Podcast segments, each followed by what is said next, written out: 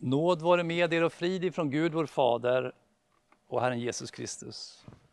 Amen. Hör så eh, Herrens ord i dagens predikotext som jag valt ifrån Johannes evangeliets tredje kapitel och den sextonde versen.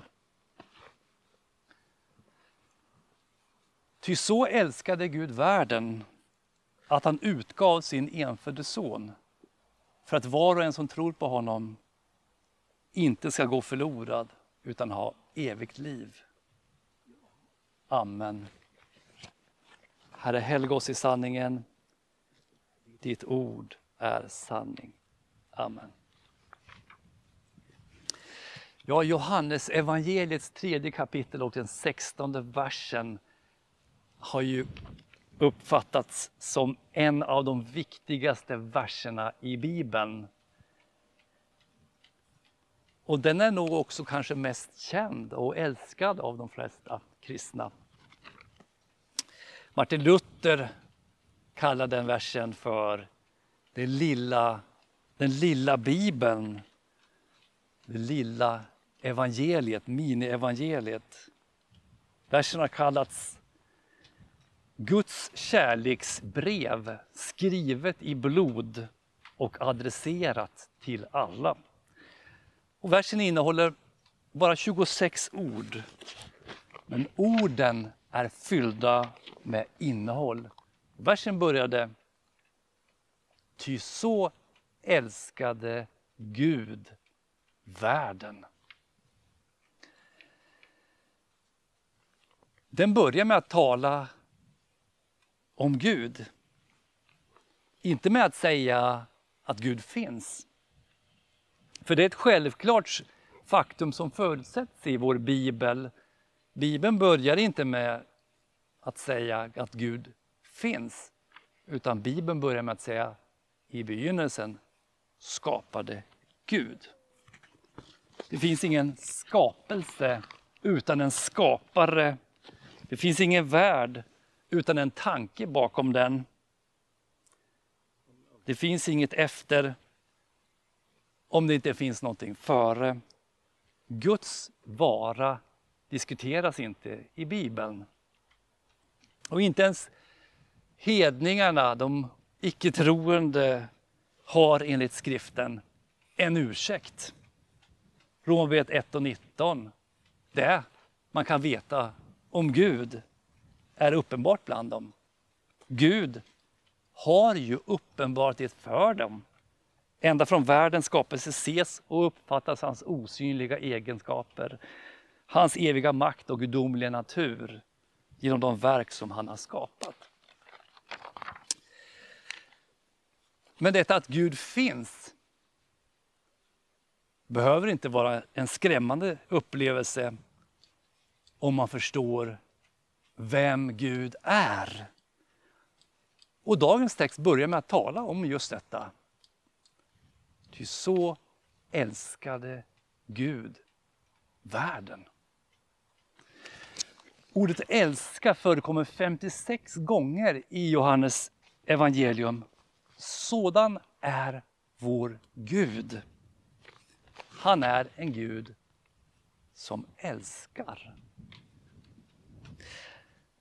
Verklig kärlek, det är mer än att vara förälskad. Verklig kärlek är villkorslös. Guds kärlek är i sanning osjälvisk och den vill människans bästa. Den offrar sig utan att kräva någonting tillbaka.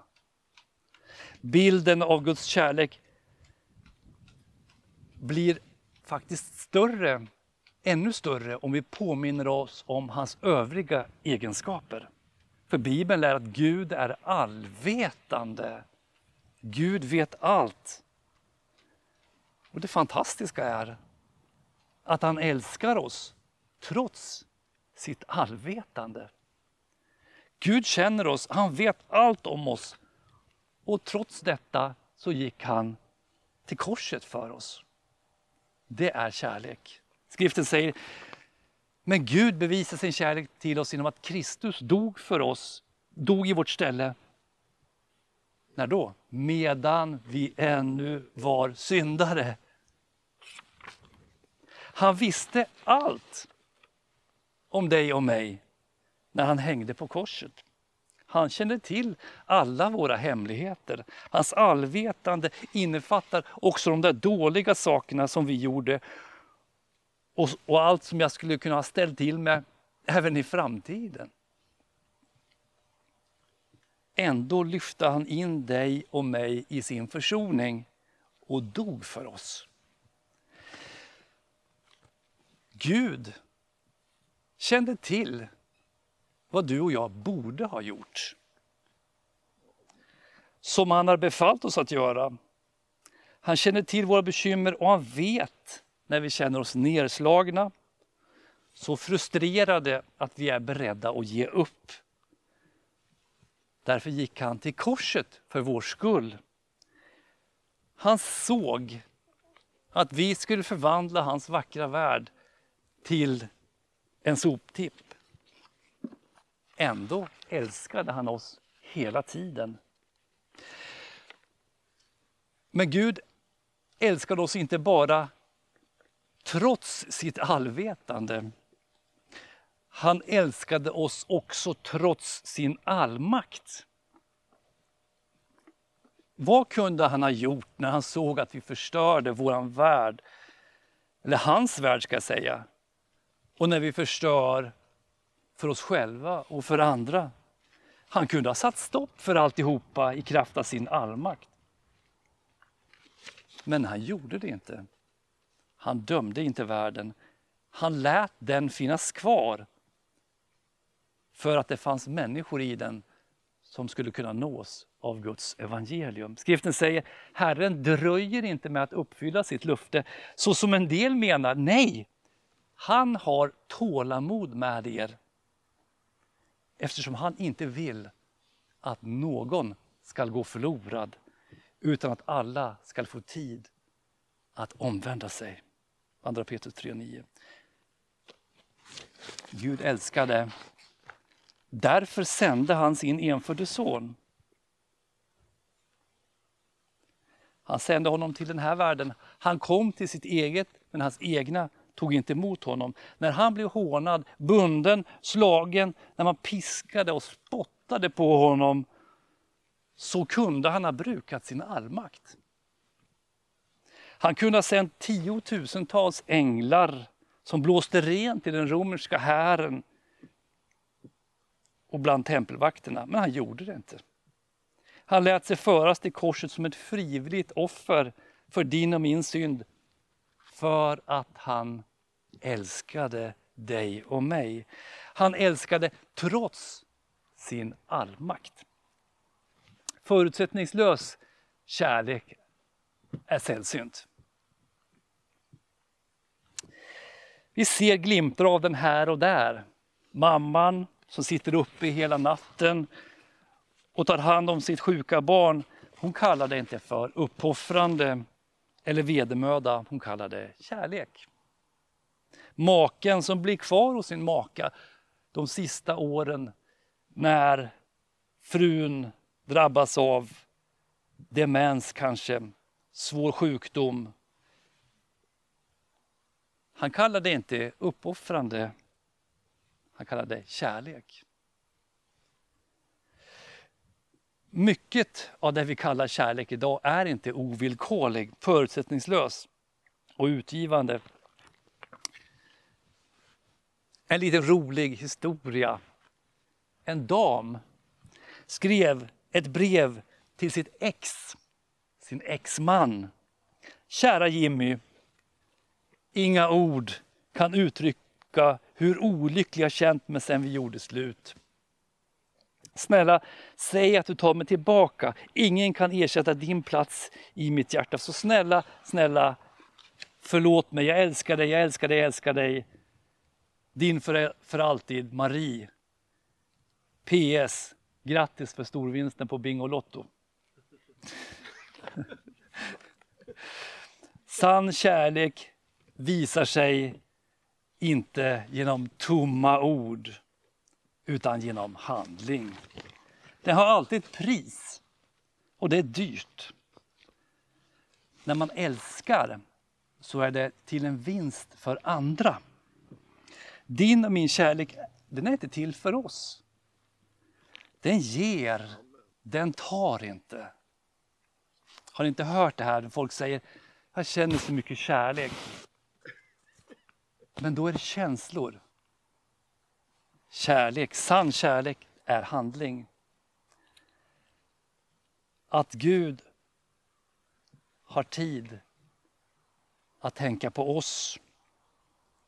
Just dig och mig personligen när han har en hel värld att tänka på.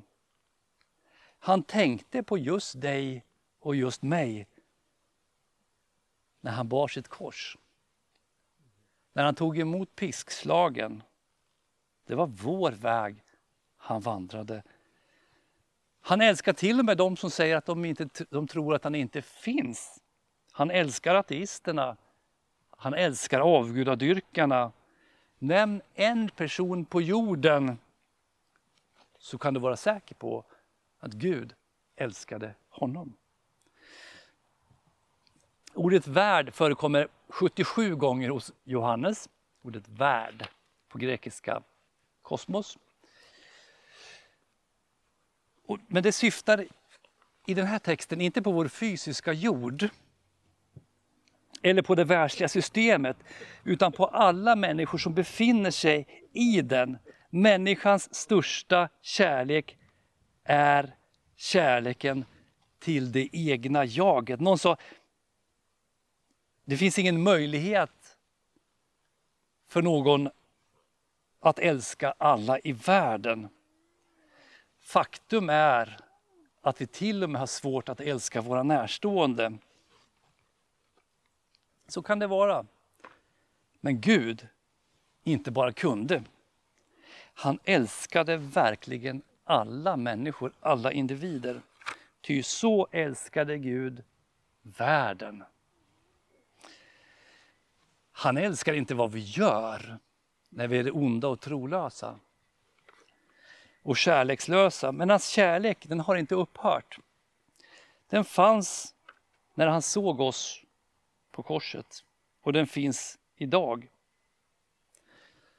Paulus skriver Kristi kärlek går långt utöver vad någon kan förstå.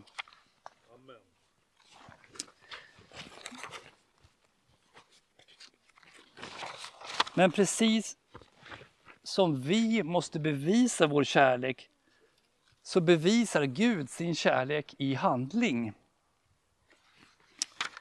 Kärlek som inte tjänar är förförelse. Kärlek som inte lyssnar är lögn.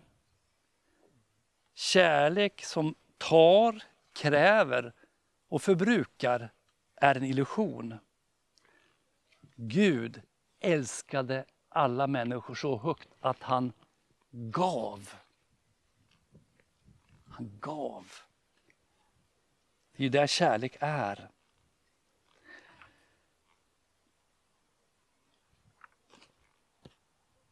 Och han gav för att han älskade. Ty så högt älskade Gud världen att han utgav.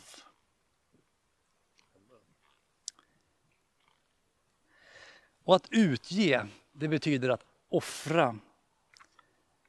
Kristus stiger ner till jorden som den självutgivande. Han utger sig genom att lämna sin självklara, sitt självklara gudomliga majestät och sin gudomliga härlighet. Ljusets boningar och makten i det höga. För att bli människa. För att bli som en av oss för att anta människonatur. Han inte bara gömmer sig under mänsklig natur. Johannes skriver till och med ordagrant att han blev kött. Han blev som en av oss. Och ändå var han hela tiden Gud.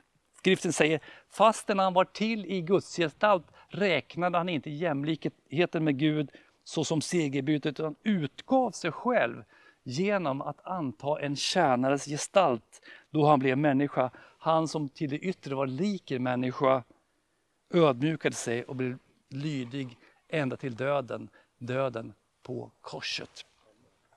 Det är kärlek. Johannes skriver, Gud är kärlek. Så uppenbaras Guds kärlek till oss. Han sände sin enfödde son till världen för att vi skulle leva genom honom. Kärleken består inte i att vi har älskat Gud, utan i att, utan i att han har älskat oss och sänt sin son till försoning för våra synder.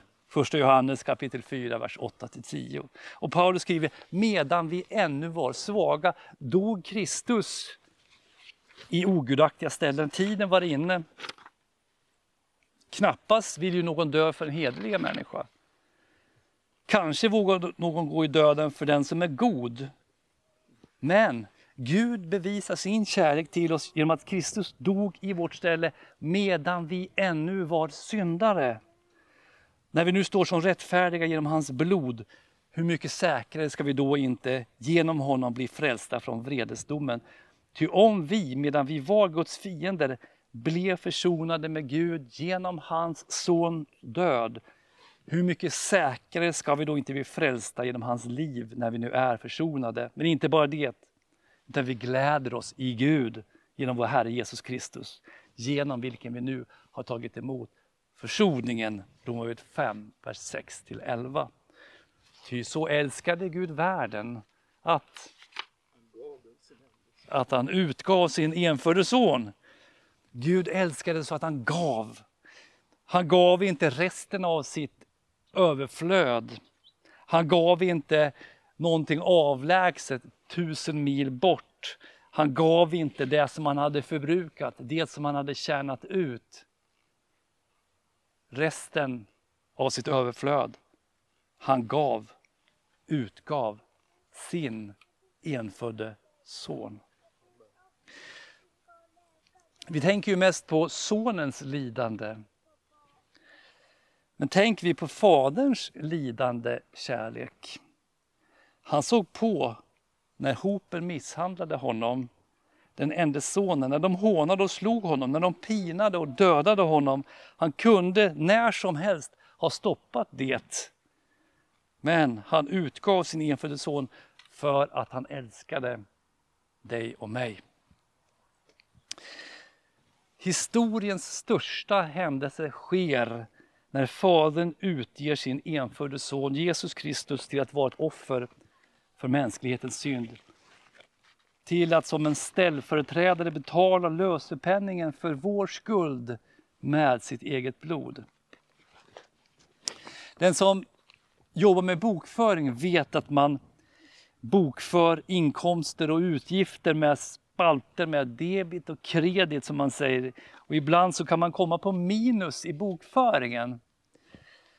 Tänk när Gud öppnar sin stora bok med bokföringen över vårt liv. Skulle du och jag vilja se in i den? Nej, kanske någon svarar. Ja, det kanske du inte ska vara så rädd för att göra, säger jag. Om du betänker vad som hände med bokföringen i dagens text. Så tittar vi i spalten med utgifter och så ser vi det enorma underskottet. Det du och jag gjort, tänkt och sagt emot Gud och våra medmänniskor, det ger oss ingen annan död, eh, ingen annan lön än den eviga förtappelsen, den eviga döden, det eviga straffet. Men låt oss inte springa iväg nu du och jag kunde inte förändra på det kontot. Men så tar Gud sin penna och så skriver han över hela skulden på sin son. Du, min egen son, får betala det genom att leva det liv som den här människan inte levde och dö den död som den här människan förtjänade. Det är det som sker. Vilken lättnad, vilken glädje egentligen. Skuldfria. Men det är inte klart än.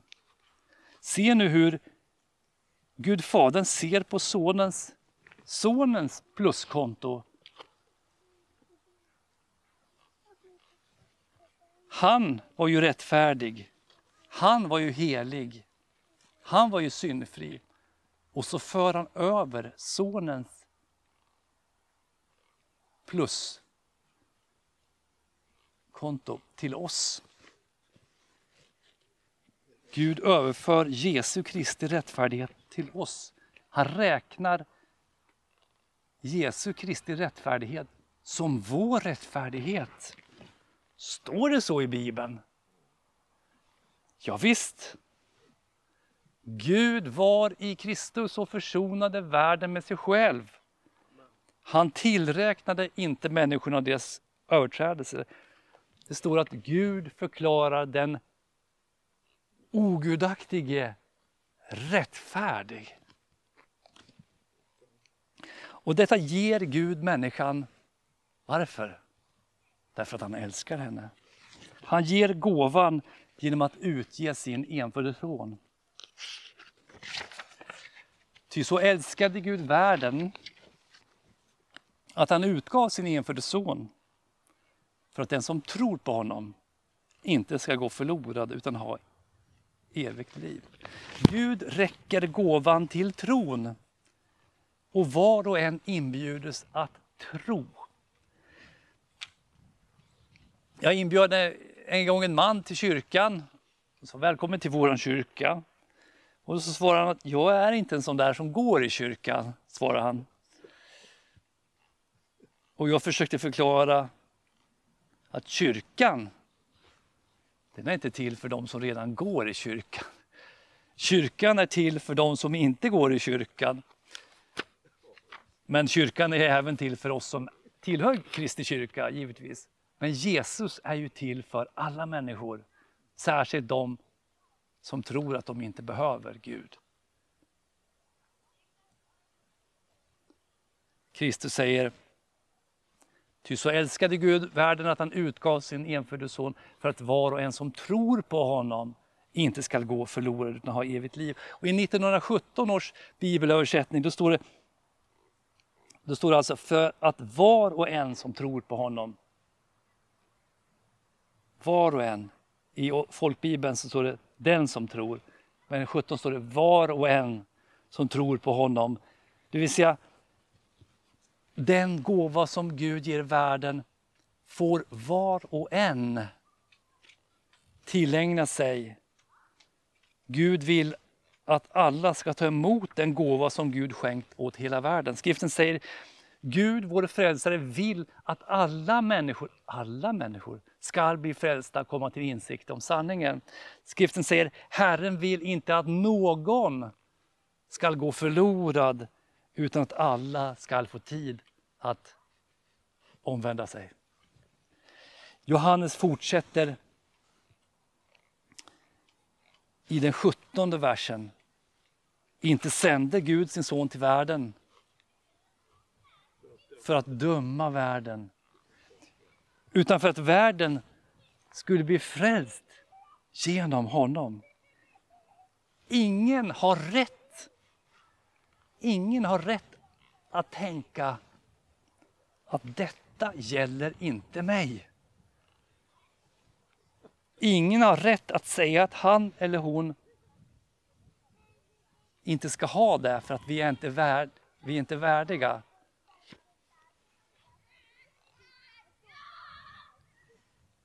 Ingen är värdig. Att tro, det är att komma till Kristus och säga Jag är inte värdig. Du är värdig. Ta emot mig för att du har dött för mig.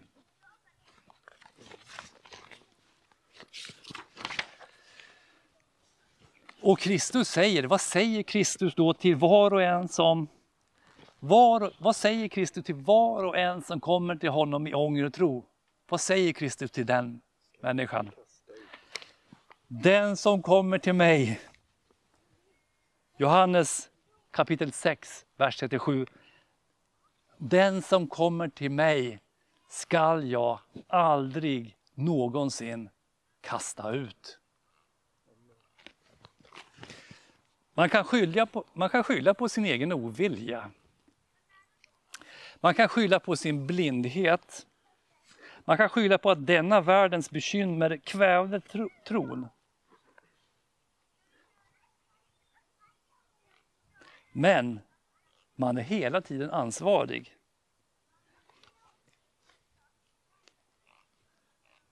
Men det finns en sak som man aldrig kan skylla på. Man kan aldrig skylla på att Gud inte älskar och inte vill att man ska bli frälst.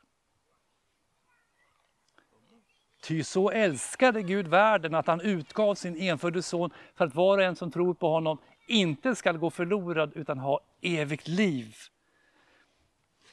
Evangeliets kallelse lyder som Jesus säger. Om någon törstar så kom till mig och drick.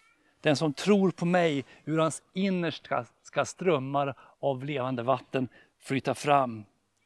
Jag är A och O och begynnelsen och änden. Åt den som tröstar ska jag ge att dricka fritt och förintet ur källan med livets vatten. Fritt och förintet. Fritt och förintet. Ja, ordet nåd på latin är ju gratia. Det är av nåd. Det är gratis. Det kostar inte. Fritt och förintet, det betyder att var och en som tror att Jesus Kristus är världens frälsare, han får också förtrösta sig på att han är allas vår personliga frälsare. Och det är det som frälsar. Den frälsande tron säger, han har utgivits för min skull. Mina synder är förlåtna genom Kristi kors och blod. Amen. Låt oss bedja.